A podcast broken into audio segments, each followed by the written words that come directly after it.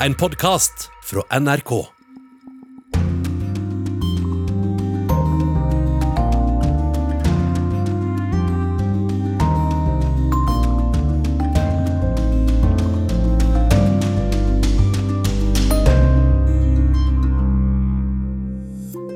Dramatisk for sivile øst i Ukraina. Flyktninghjelpen er redd for konsekvensene dersom det skulle bli krig.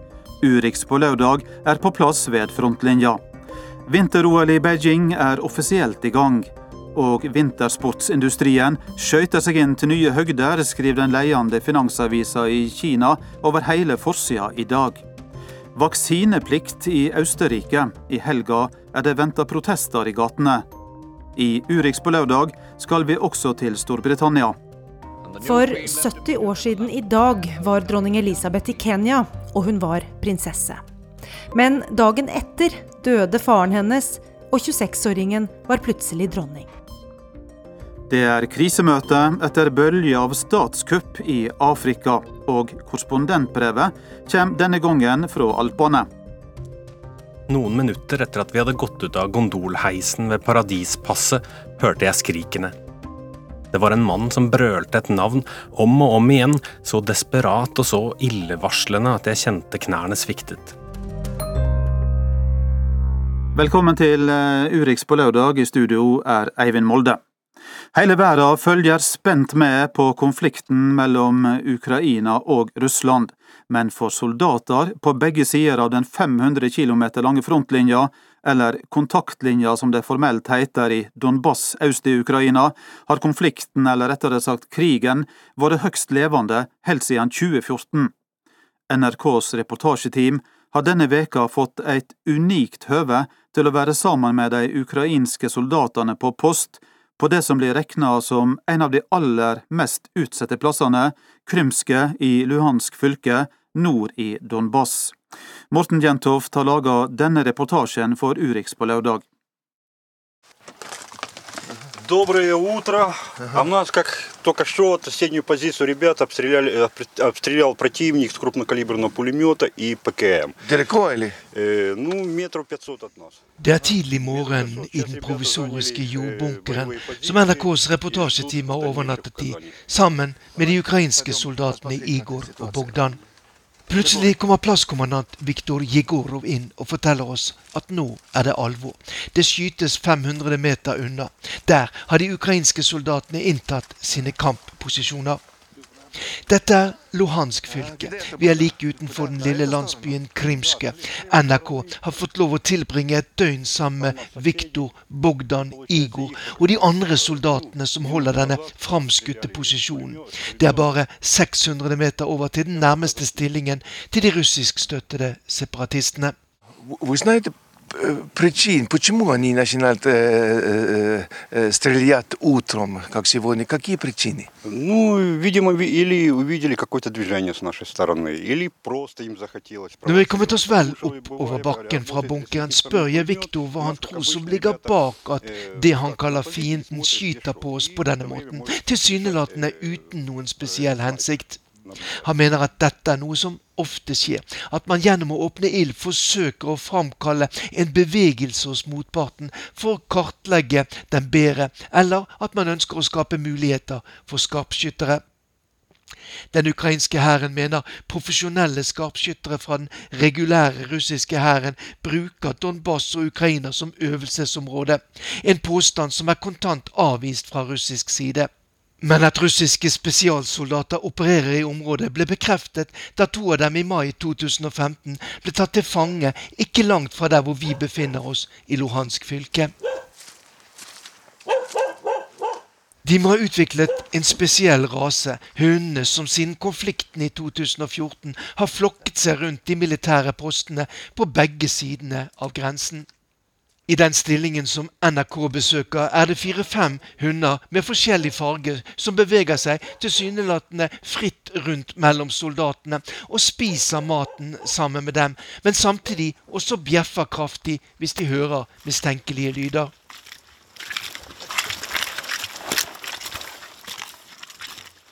Det døgnet NRK fikk tilbringe i stillingen utenfor den nå mer eller mindre forlatte landsbyen Krymske, viste oss at det neppe kan være noe luksusliv å tilbringe måneder her.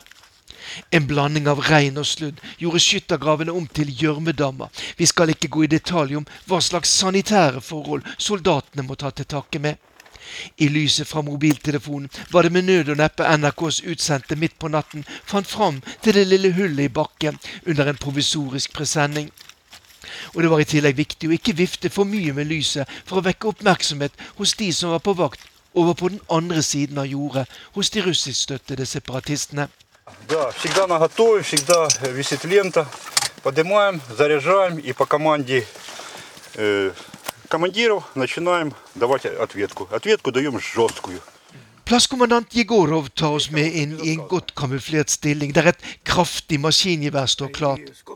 Jegorov sier de ukrainske styrkene ikke har lov til å fyre av før de får ordre om det fra høyere hold. Og ifølge dem selv skyter de bare når de selv blir skutt på. Когда вы использовали это последний раз? Ну, последний раз где-то неделю назад. Viktor Jigorov forteller at det kraftige maskingeværet DSJK med kaliber 12-7 var i bruk senest for en uke siden. Selv har han vært med i krigen siden den startet i 2014. Hans sønn er plassert lengre sør på fronten, i nærheten av byen Mariupol. Krigen er blitt hverdagen for den store mannen med den uryddige tangaren. Det avhenger av Putin. Alt avhenger av Viktor Jigoro mener det bare er én mann som kan få slutt på konflikten. Han sitter i Moskva og heter Vladimir Putin. Morten Jentoft, du er med oss direkte nå. Det er lørdag ettermiddag eh, der du er ved eh, frontlinja øst i Ukraina. Hvordan er situasjonen der eh, akkurat nå? Ja, akkurat her hvor jeg befinner meg, i, i byen Svitlodarsk, så er det stille og fredelig. Det er lite som eh, minner om krig her. Jeg kjørte forbi folk som var kommet til det lille lørdagsmarkedet her i eh, byen. Ute på eh, sjuer som er tilfrosset, er folk ute for å, å, å fiske. Det ukrainske forsvaret meldte i dag at det ikke er meldt om noen brudd på våpenhvilen, men mm, det siste døgnet. Men jeg lurer jo litt på hva, hva som skal til for at man bryter våpenhvil. Vi hørte jo som sagt skyting vi eh, i nærheten av den posisjonen som vi var på i går, som dere hørte i, i reportasjen. Organisasjonen for sikkerhet og samarbeid i Europa eh, eh, har hatt visse problemer med å komme fram overalt her. Eh, de proruske separatistene nektet en patrulje i går da å, å krysse denne, denne, frontlinjen. Sånn at det er en slags sånn eh, ikke stille før stormen-stemning, men det er en, en avventende stemning eh, her, her Eh, i konfliktområdet øst i Ukraina akkurat nå.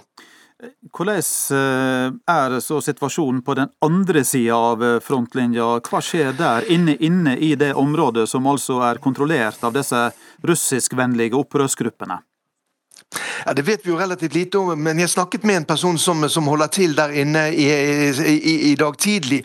og Hun eh, forteller om et relativt normalt liv altså i storbyen Donetsk, som jo eh, er en av Ukrainas aller største byer, men altså kontrollert av de proruske separatistene siden, siden, siden 2014. Der går livet sin vante gang. Faktisk har det vært en, en, en viss utvikling den siste tiden. der Flere biler å se i gatene, flere restauranter er åpne åpen. Men mange er jo veldig spent på hva som kommer til å skje videre nå i denne konflikten. Kommer f.eks. Russland til å anerkjenne disse områdene som selvstendige land, og så eh, igjen da åpne for at disse landene går inn i Russland. Det er jo en, en utgang på denne konflikten som, som, som mange snakker om. Vi vet jo ikke hva som vil skje, eh, Morten, men, men, det er vel da nettopp disse områdene du har nå øst for deg, inn mot grensa til Russland, som, som da kan bli innlemma i Russland uh, uh, gjennom en slik konflikt. Det er vel ett scenario? Det er et scenario, og det har jo også de som kontrollerer da disse områdene. Eh, de russiskstøttede separatistene har jo ivret for dette lenge. Eh, det vil jo være en veldig veldig dramatisk hendelse, der altså Russland annekterer da i praksis da en ny del av Ukraina. De annekterte jo Krimhalvøya i 2014. Eh, sånn at dette vil jo helt sikkert få store internasjonale konsekvenser hvis, hvis da noe sånt kommer til å skje. Og det er jo da et eh, diplomati her som ruller og går mer eller mindre kontinuerlig, og har gjort det i, i svært lang tid. Så parallelt med at situasjonen er slik som du beskriver det nå i området, så er stats- og regjeringssjefer nærmest i skytteltrafikk både til Kiev og, og Moskva. Hva, og det har skjedd flere ganger bare denne veka. Eh, hva kan komme ut av, av dette? Ja, Det mest interessante besøket fremover nå er jo den uh, nye tyske forbundskansleren Olof Scholz, som jo har blitt beskyldt litt for å ikke å kunne fylle uh, sin forgjenger Angela Merkels uh, sko når det gjelder håndteringen av Russland. Nå er det bestemt at han skal både hit til Ukraina og til, til Moskva. I tillegg til det så skal også den franske presidenten Emmanuel Macron til, til Moskva for å snakke med den russiske presidenten Vladimir Putin. Det er også tillyst møter da i dette her såkalte Normandie-formatet, der eh, Russland og Ukraina kommer sammen under ledelse av nettopp Tyskland og, og, og Frankrike. Og så fikk vi jo da dette siste utspillet denne uken her, der den tyrkiske presidenten Tajib Erdogan har foreslått et toppmøte mellom eh, Ukrainas president Volodymyr Zelenskyj og eh, Vladimir Putin i, i Tyrkia. Eh, så her, her, er mye som skjer eh, på det diplomatiske plan, men eh, vi kan vel ganske raskt konstatere at det er lite resultater av dette her, her på bakken øst i Ukraina. Her er situasjonen for, eh, for sivilbefolkningen svært, svært vanskelig. Det er nesten umulig i dag å krysse over denne frontlinjen, kontaktlinjen som det formelt heter. Så de praktiske problemene for de som bor her, de er nesten verre enn noen gang. Takk skal du ha, Morten Jentoft, direkte fra eh, Øst-Ukraina. Og vi eh, ser og hører mer fra deg i eh, Søndagsrevyen i morgen kveld på NRK1, og også på, på nrk.no. Vi skal videre her i studio med generalsekretær i Flyktninghjelpen, Jan Egeland. Du kom tilbake fra Ukraina i eh, går. Vi var jo innom nå i samtalen med Morten Jentoft eh, det diplomatiske arbeidet som eh, finnes da. Nå skal vi snakke litt om situasjonen for vanlige folk, som også Jentoft var inne på, på på slutten her. Hva er dine inntrykk, ferske inntrykk fra Ukraina? Veldig sterke inntrykk. Vi dro opp og ned langs denne frontlinjen som Jentoft beskrev. I tre døgn var i sju-åtte forskjellige samfunn. Der det er to millioner sivile som bor innen 20 km langs denne lange grensen. Grensen går midt gjennom to samfunn, Luhansk og Donetsk.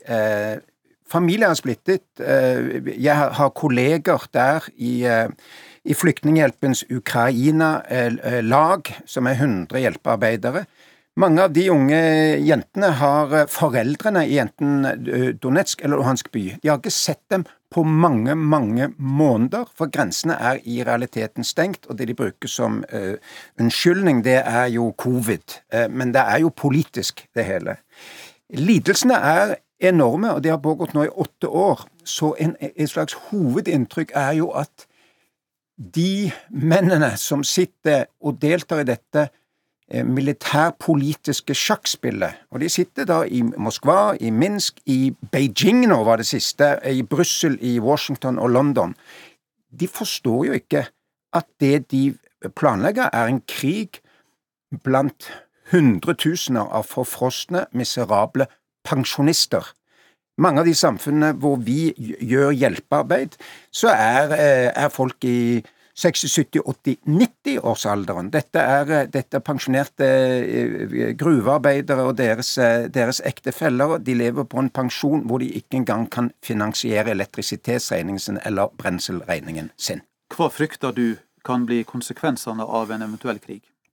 Ja, Hvis man skulle gjøre noe så meningsløst å gå i gang med ny krig, så vil jo to millioner mennesker kunne kaste på flukt, for, for de er jo langs frontlinjen.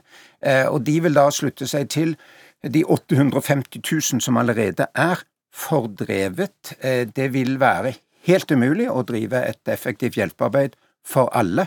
Det er eh, igjen utrolig hvor lett det er å finansiere militære oppbygginger i milliardklassen, og hvor vanskelig det er å få de relativt små midlene som trenges til hjelpearbeid, og til å forberede eventuelt økt hjelpearbeid. Vi er, for, vi er i og for seg klar for for det verste, men vi må jo håpe og tro at vi kan gå tilbake og prøve å bygge fred.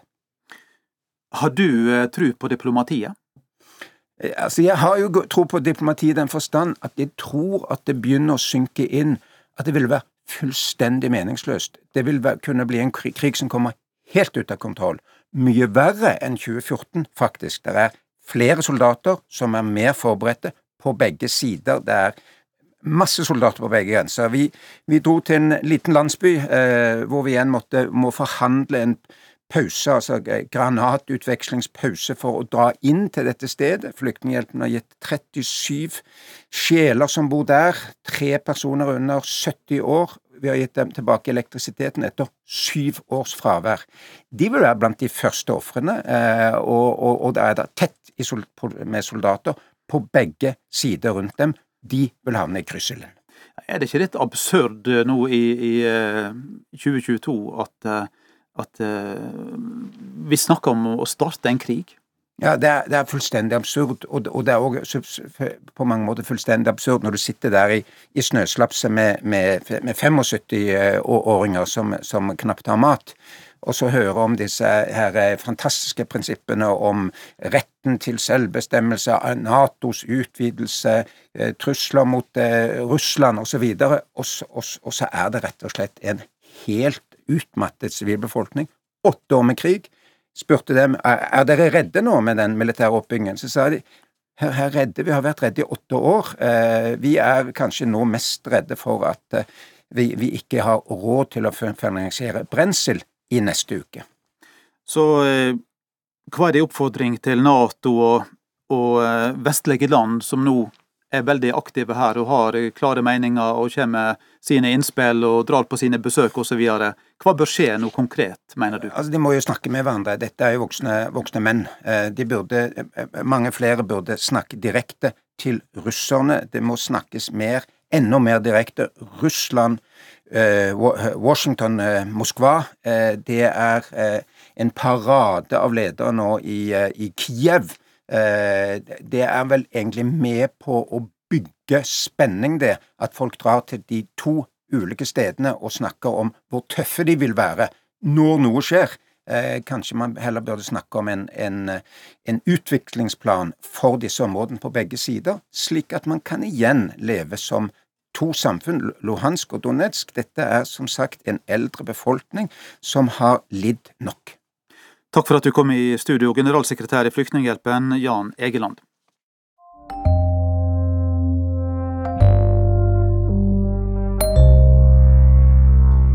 Ikke siden sommerleikene i Moskva i 1980 og Los Angeles i 1984 har et OL vært omgitt av så mye politikk som vinter-OL i Beijing, som åpna offisielt i går.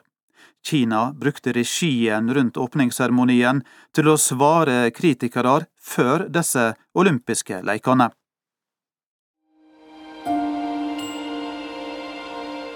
Diniger, Ila Mujang og Zhao Jiawen blir løftet opp til midten av en stor, lysende snøkrystall i midten av Beijings OL-stadion, det ikoniske fugleredet, og til begeistret jubel tenner de to OL-ilden.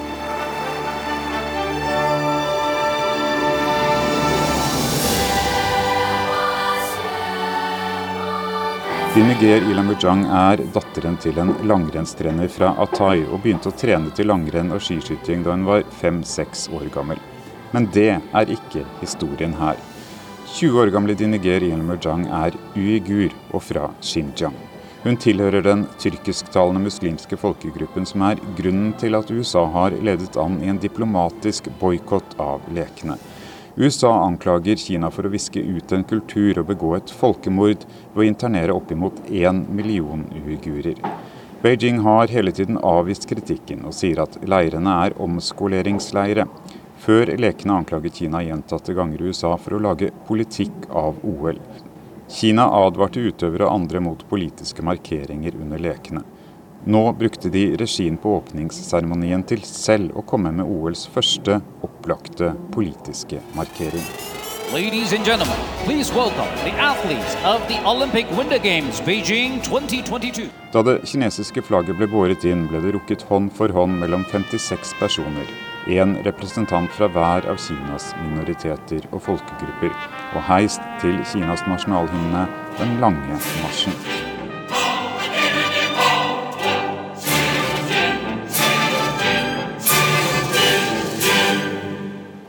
Ved grønt lys markerte åpningsseremonien miljø og våren. Kinesisk nyttår er også vårfestivalen. Fyrverkeri i hvitt, sølv, blått og gull symboliserte idrett på snø og is. Da 20 år gamle Diniger Ilamur Jang og 21 år gamle Zhao Jiawen fikk overrakt fakkelen, handlet det ikke om store idrettsprestasjoner. Diniger Ilamur Jang, som i dag starter som nummer 29 på 15 km med skibytte, og er en av de som har trent i Norge, har aldri vært bedre enn nummer 19 i verdenscupen.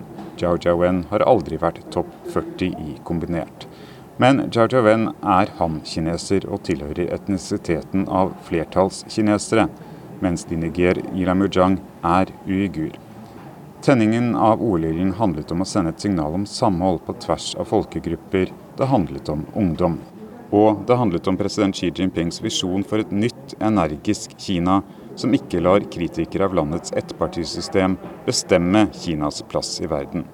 Men det var også en klar innrømmelse om at olympiske leker er alt annet enn upolitiske. Sa reporter Philip eh, Lote. Og Philip eh, Lote, du er nå eh, med direkte. Du er på plass i Beijing by, og på den splitter nye skøytearenaen.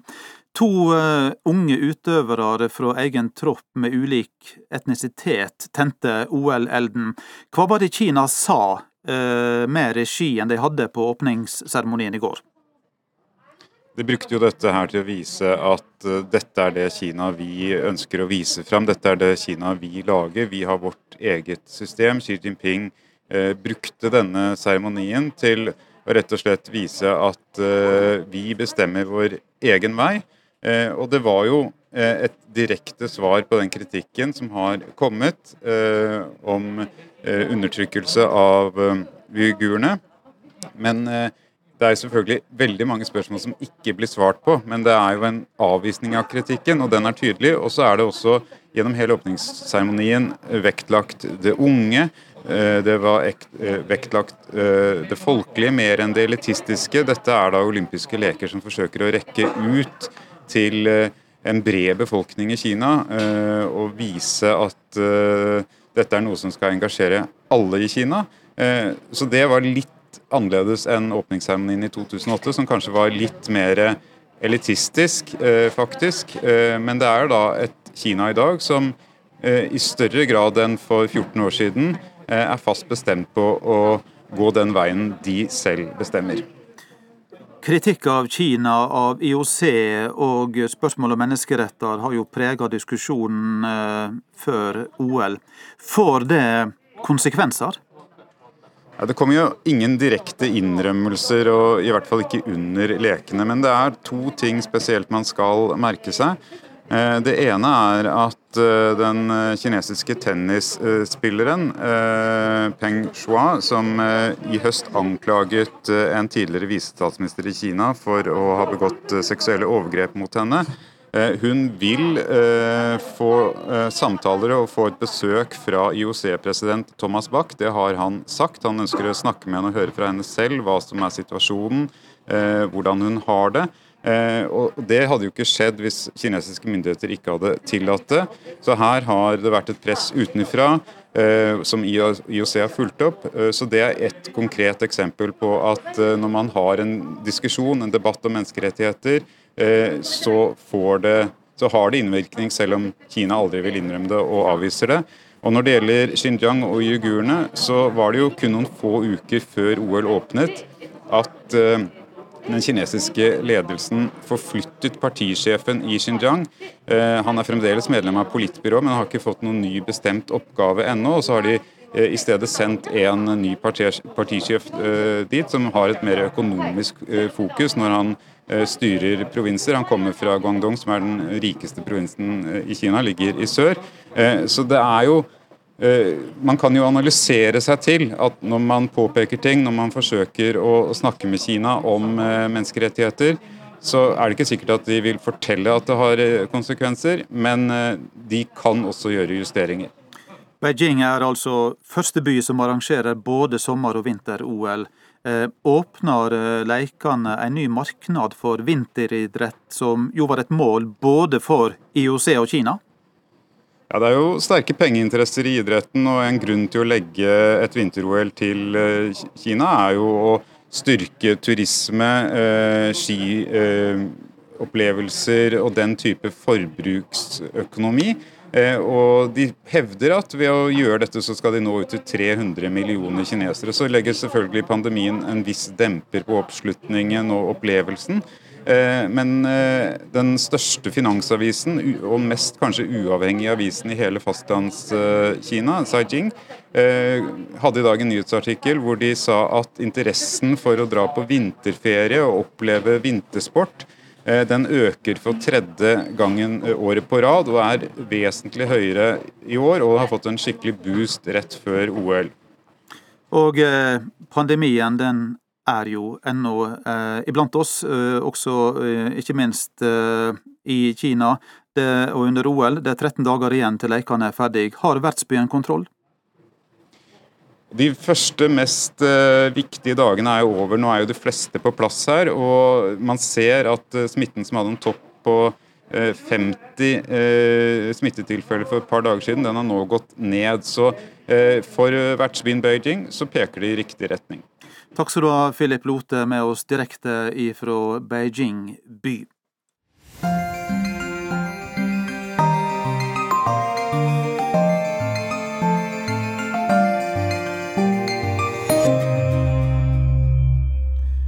Denne veka gjorde Østerrike som første land i Europa det obligatorisk å ta koronavaksinen. For to veker siden ble lova vedtatt i Underhuset, og torsdag stemte Overhuset i nasjonalforsamlinga gjennom denne lova. I helga er det venta at vaksinemotstanderne i landet vil gå ut i gatene for å protestere mot påbudet. Det var en helt vanlig søndag. Vaksinemotstandere demonstrerte i Salzburg. Så det her er en klassisk demonstrasjon mot koronatiltak, mot vaksinering. Mot alt folk syns er vondt og vanskelig med denne pandemien. Lenge har folk visst at det vil komme et påbud om å ta vaksinen. Denne veka ble lova ratifisert av Overhuset. I mars begynner styresmaktene å bøtelegge de uvaksinerte. Det vil si, du får valget mellom å vaksinere deg innen to uker eller betale ei bot som er tilpassa inntekta di. Es geht hier um Freiheit. Es geht hier um Selbstbestimmung, um Demokratie. Und alles ist in einem Ausmaß verletzt, das ist unbeschreiblich. Dette handler om fridom, demokrati og selvbestemmelse, fortalte vaksinemotstanderen Regina til NRK i fjor. Hun arbeider som sykehussekretær, men vil ikke ta vaksinen. Hun mener ikke er utprøvd godt nok. Det var i november i fjor at sykehusene i Salzburg var stappfulle. Helsevesenet holdt på å bryte sammen.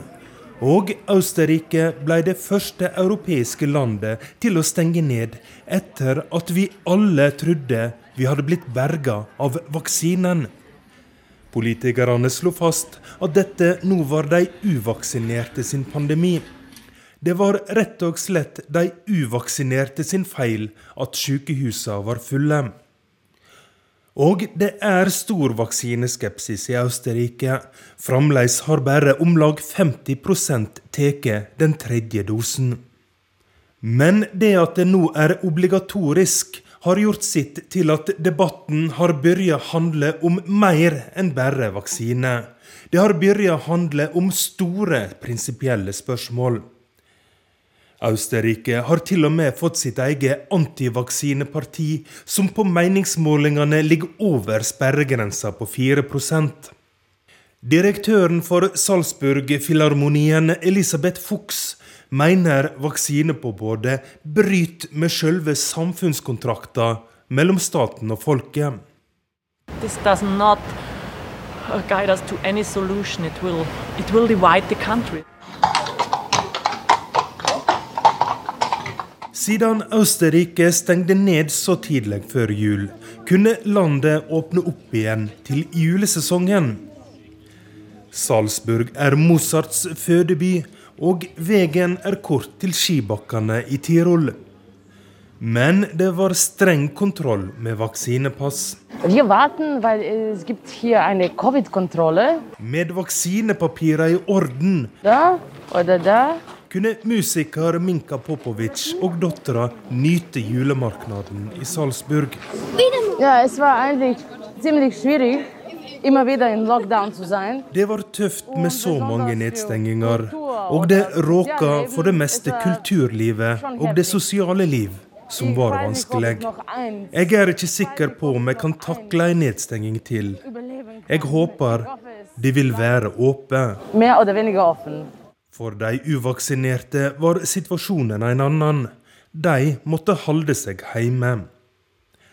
Men så skjedde det noe denne veka.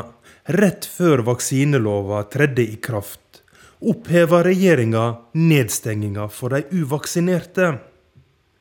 Og skal det vise seg at de nye variantene som dukker opp, blir av den milde sorten, kan helseministeren oppheve lova med et pennestrøk. Og det kan skje fort. For kritikerne mener det ikke er praktisk mulig å håndheve et vaksinepåbud. Rettsvesenet frykter en flaum av klager fra de som blir bøtelagde. Noe som kan lamme domstolene på samme måte som koronaviruset lammer sykehusene rett før jul. Korrespondent Roger Severin Bruland rapporterte. I morgen har eh, dronning Elisabeth vært regent i hele 70 år. Det skal feires stort til sommeren. For selv om det er en nedgang i støtta til det britiske monarkiet på meningsmålingene, så elsker britene dronninga si. Hva do du om of the monarkiet? Jeg I det er fantastisk. Yeah. Yeah, we're quite proud. We're quite proud of the Queen. Utenfor Buckingham Palace møter vi herr og fru Middleton. Well, I'm Carol Middleton, but I'm not her mother.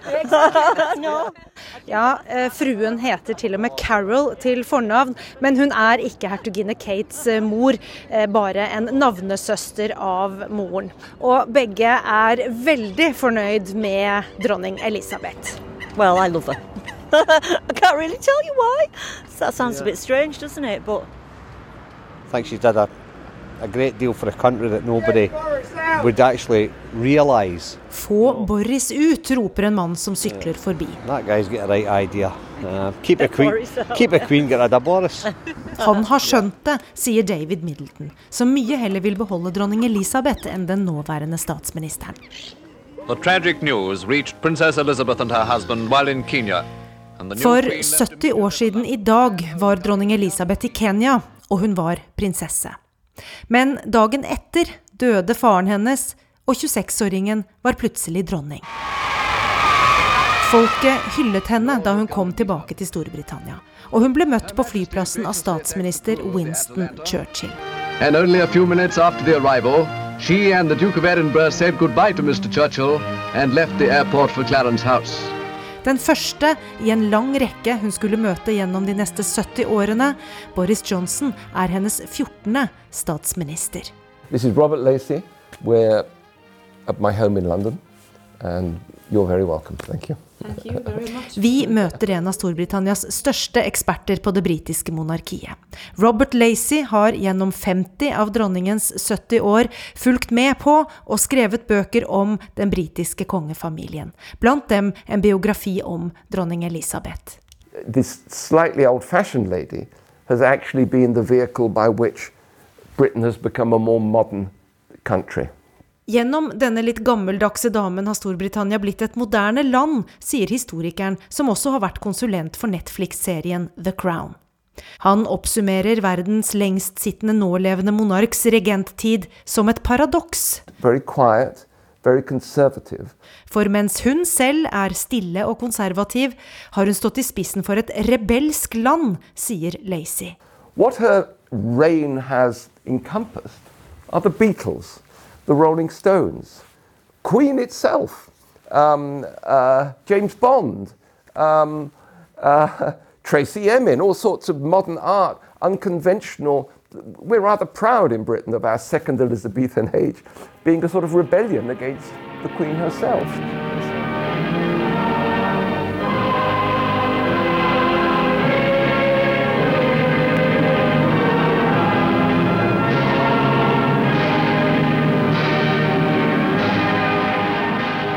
God Save the King ble byttet ut med God Save the Queen. Majoriteten av dagens briter husker ikke annet enn en kvinnelig regent.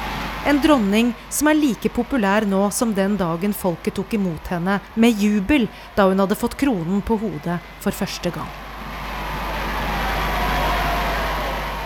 Yeah, I think she's kind of remarkable, really. I think it's a nice idea.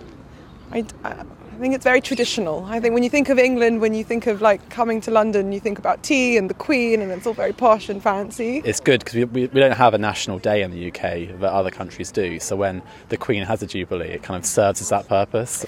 Det er ikke vanskelig å finne folk som støtter monarkiet her utenfor Buckingham Palace. Åtte av ti briter mener dronningen har gjort en veldig eller ganske god jobb gjennom sine 70 år på tronen. Det viser også YouGovs popularitetsmålinger. Og det gjør henne til kongehusets mest populære medlem. Men noe er i ferd med å endre seg. For de siste par årene så har det vært en påfallende nedgang i støtten til monarkiet blant unge briter. Flere av dem ønsker seg republikk enn monarki.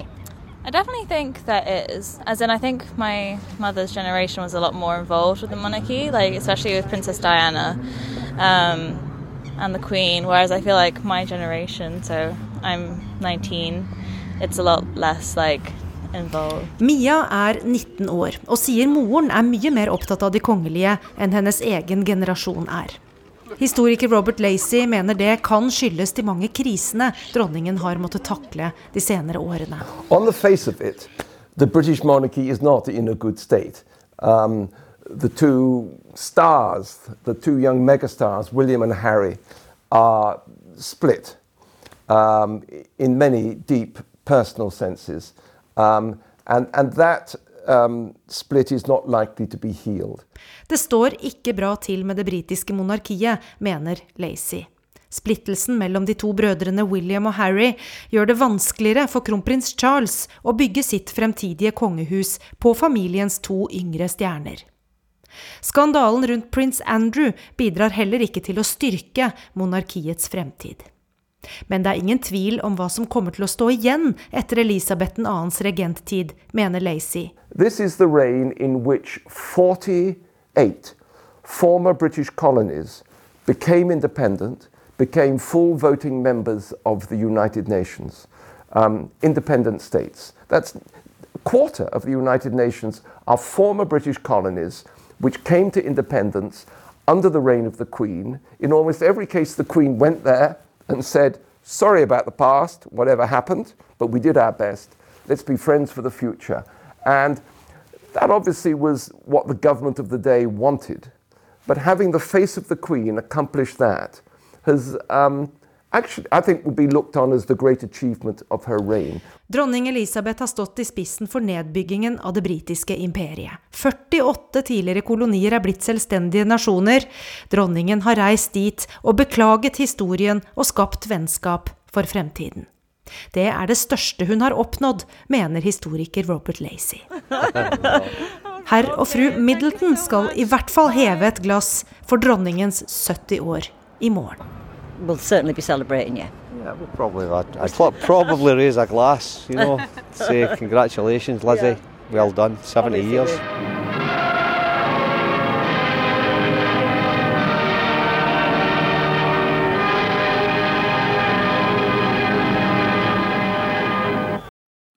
Korrespondent Gry Blekastad Almås har også møtt en av de unge britene som vil at Storbritannia skal bli republikk.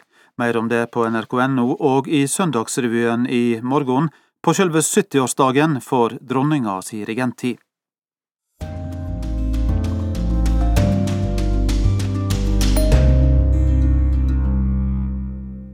Torsdag var flere afrikanske ledere samla til krisemøte etter ei bølge med statskupp det siste halvannet året. Sist ute var det vestafrikanske landet Guinea-Bissau, der kuppmakere tirsdag prøvde å ta makta. Kaos og skyting i hovedstaden i det afrikanske landet Guinea-Bissau tirsdag denne uka. I fem timer prøvde tungt bevæpna menn å ta seg inn i regjeringsbygningen, der både presidenten og statsministeren satt i møte. Da kuppforsøket var slått ned, var elleve personer drept.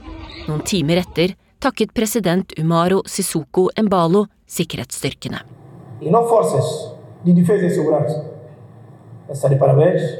Angrepet var godt planlagt og etterforskes for fullt, sa presidenten på en pressekonferanse.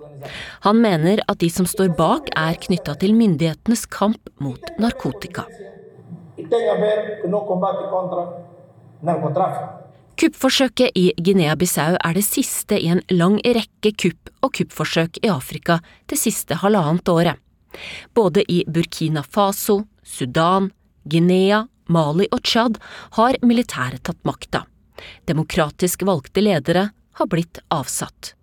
I Den sentralafrikanske republikk, Niger og Madagaskar har det vært forsøk på statskupp. Torsdag møttes den vestafrikanske samarbeidsorganisasjonen ECOWAS til krisemøte i Ghanas hovedstad Accra.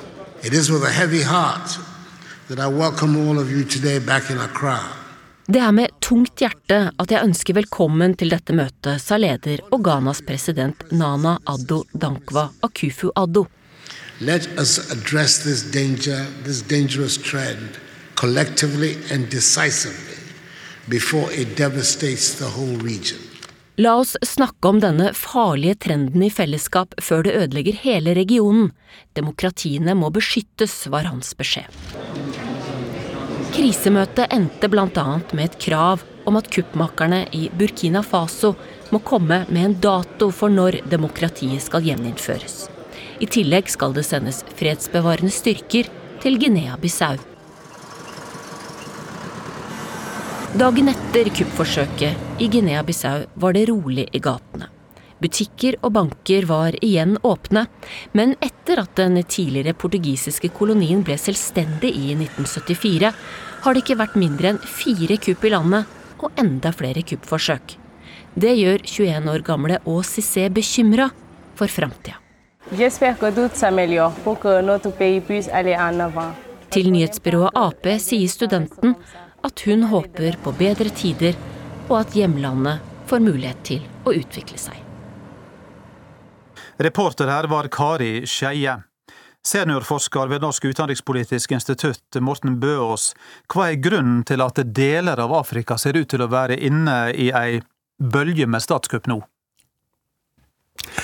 Kan nok kanskje dreie seg om en viss grad av smitteeffekt, men først og fremst så er dette knytta til at eh, i disse landene dette har skjedd, som er noen av verdens fattigste stater, som går under denne samlebetegnelsen sårbare stater, Eh, så er eh, flere av de i lang tid vært ramma av konflikt, også sterk voldelig konflikt, som Somalia og Burkina Faso.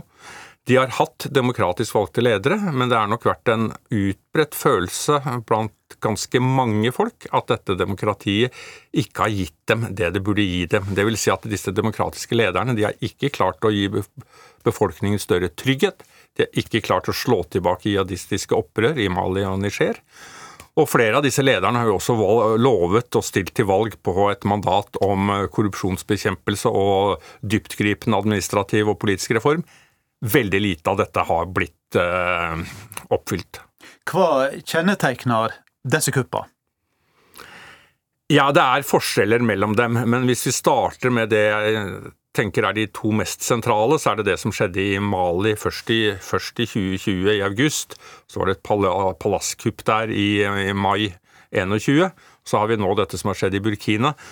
Så kommer de begge på bakgrunn av en langvarig voldelig konflikt med jihadistgrupperinger som har fått større og større innflytelse. Dvs. Si at disse jihadistene de kontrollerer større og større eh, områder av landene. Begge disse landene har jo også vært eh, scene for ganske storstilte internasjonale intervensjoner over lengre tid, som heller ikke har hjulpet i så måte. Snarere så er det en oppfatning her eh, som er helt reell, at dette går fra vondt til verre. Og så har man da hatt presidenter som nok veldig mange har følt ikke har oppfylt noen av valgløftene sine, og som også har blitt oppfattet som helt ute av i stand til å forstå den situasjonen som den allmenne borger lever med. Og Det skaper, har jo da skapt et trykk med store eh, antiregimedemonstrasjoner, hvor endepunktet har vært at de militære og yngre militære ledere har grepet inn. Hva rolle spiller sosiale medium i samband med slike kupp? De spiller en rolle, for denne, altså den smarttelefonen som du og jeg går med, den er også veldig utbredt i i denne delen av verden, og folk sender meldinger i, i hytt og pine. Og det, det, det brukes mye. Det, bruker, det har blitt brukt bevisst av eh, den utenomparlamentariske opposisjonen både i Mali og i Burkina Faso til å mobilisere til disse store demonstrasjonene. Hvor, og regimet her, no, i hvert fall noen av hva skal man si, tilhengerne av de kretsene rundt regimet, bruker også sosiale medier aktivt. Sånn, så som i politikk her, så spiller også sosiale medier en rolle der.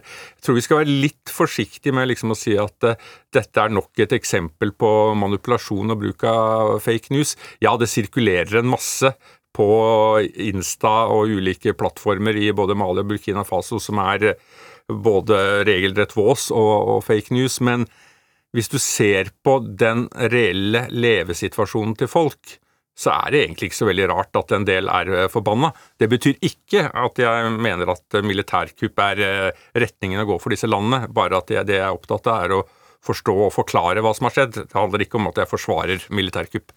Når vi ser reaksjonene også, øh, vi ser eksempel på at det kan være dans i gatene når slike kupp skjer. Hva forteller øh, dette om demokratier i denne delen av verden? Det forteller noe veldig enkelt, og jeg er litt sånn skeptisk til at vi bare skal avskrive dette som en demokratisk tilbakegang. Og Årsaken til det er at øh, det er en demokratisk tilbakegang som skjer steder i verden. Men altså skal vi snakke om demokratisk tilbakegang, så må det jo også ha vært en demokratisk øh, fremgang. Og det er veldig tvilsomt om folk i Burkina Faso og Mali, men også Guinea, vil jeg si, føler at de egentlig har opplevd det. For det, hvis demokratiet skal ha en merverdi for folk flest, så må du være i stand til å levere ikke bare det at du kan gå stemme, til stemmelokalet og putte stemmeseddelen din i en urne hvert fjerde år eller femte år eller når det måtte være, men at, du også, at det også leverer på basale parametere som matvaresikkerhet, jobbsikkerhet, at det blir skapt nye jobber, men ikke minst at de klarer å gi landene sine fred og stabilitet. Og det har ikke demokratiet klart å levere dessverre, i disse landene. Ikke, I hvert fall ikke i den installasjonen som det har kommet hit til nå.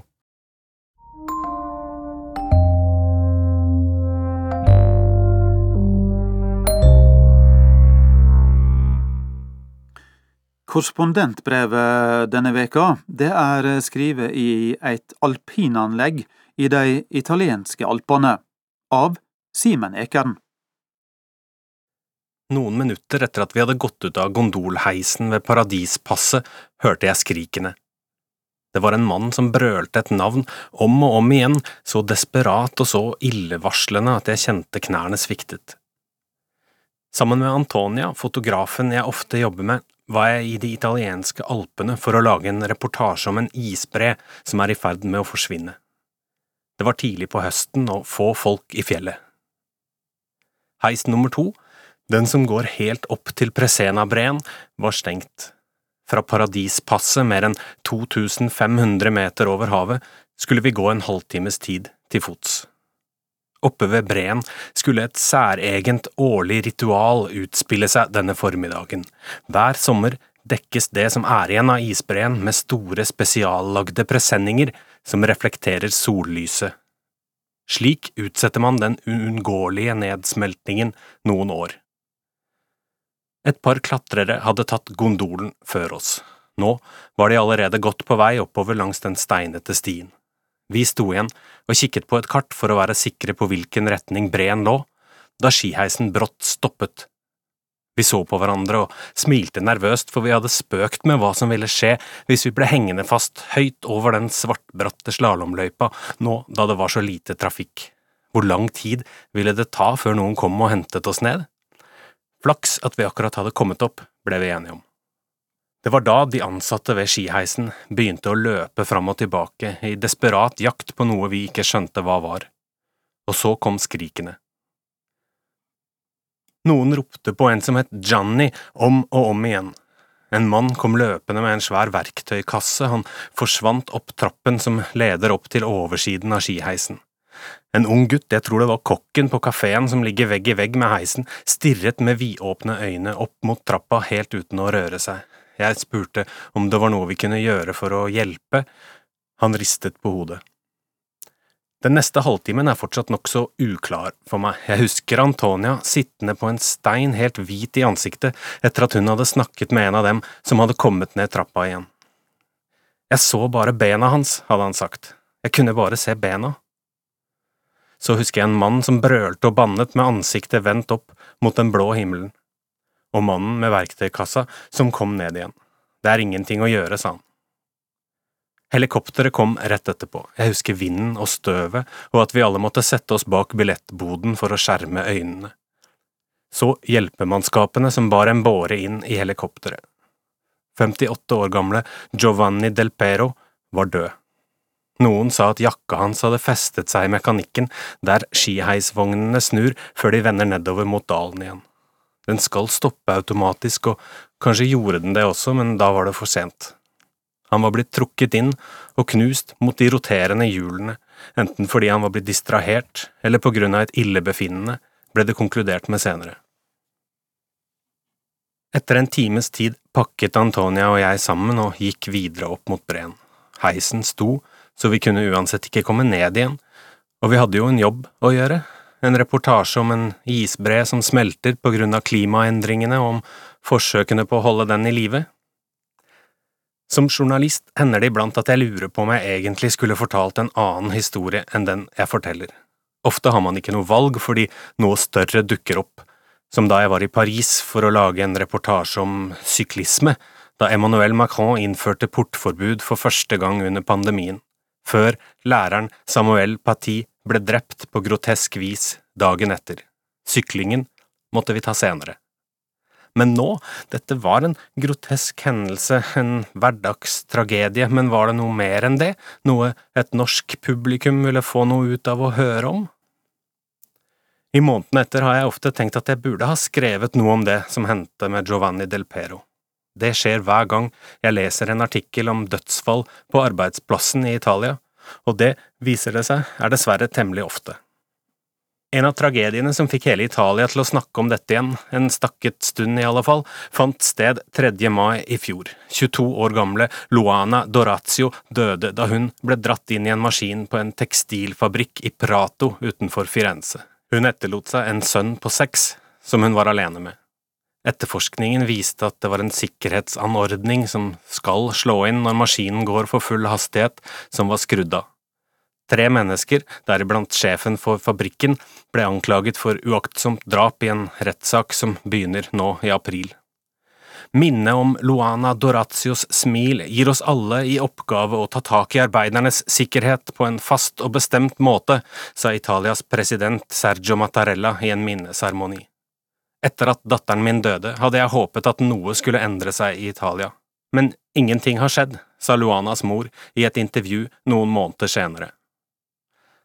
Da året var omme, så ikke tallene så bra ut. Hvis man teller med tall for svart arbeid også, mistet 695 mennesker livet på arbeidsstedet sitt i Italia i fjor. Det var nesten 20% mer enn året før, til tross for at mange bedrifter har hatt redusert aktivitet på grunn av pandemien.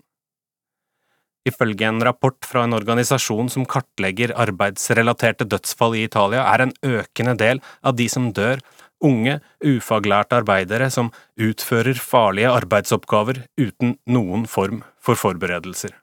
Arbeidet utføres likevel fordi risikoen for å bli sagt opp hvis man klager er så stor, ifølge rapportens forfattere.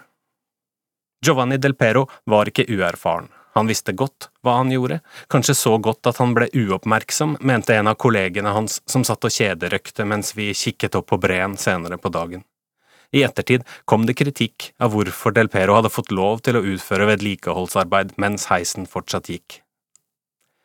Vi fikk følge med Carmen Del Pero på vei ned fra fjellet. Hun var i slekt med Giovanni som hadde dødd, og hadde jobbet sammen med ham i mange år. Hun fortalte om hvordan det var å jobbe der oppe, hvor godt likt Giovanni var, hvor dyktig han var i jobben sin. Og hun snakket om isbreen som forsvant, om hvordan barndomsminnene hennes var fulle av sommerskikjørere i bakken der vi nå vaklet oss nedover i bar steinrøys. Hun fortalte om faren sin som sto Giovanni nær, og som også hadde jobbet hele livet sitt der oppe ved breen.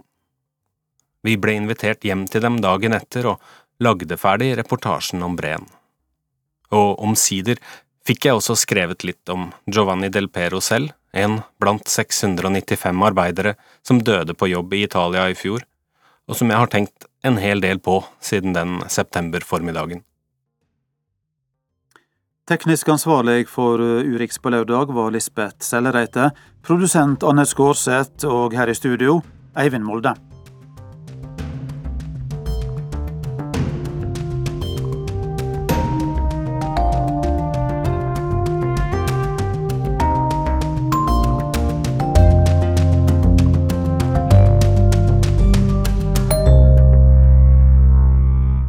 Du har hørt en podkast fra NRK. Hør flere podkaster og din favorittkanal i appen NRK Radio.